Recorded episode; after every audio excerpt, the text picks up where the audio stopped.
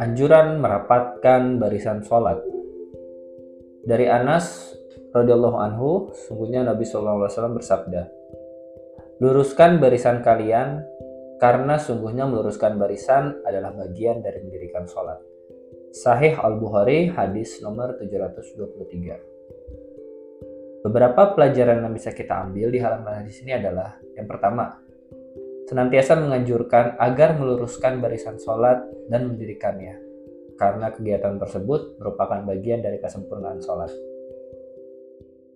Yang kedua, meluruskan barisan bukan berarti harus mengganggu jamaah lain dan mengganggu kekhusyuan mereka dalam sholatnya.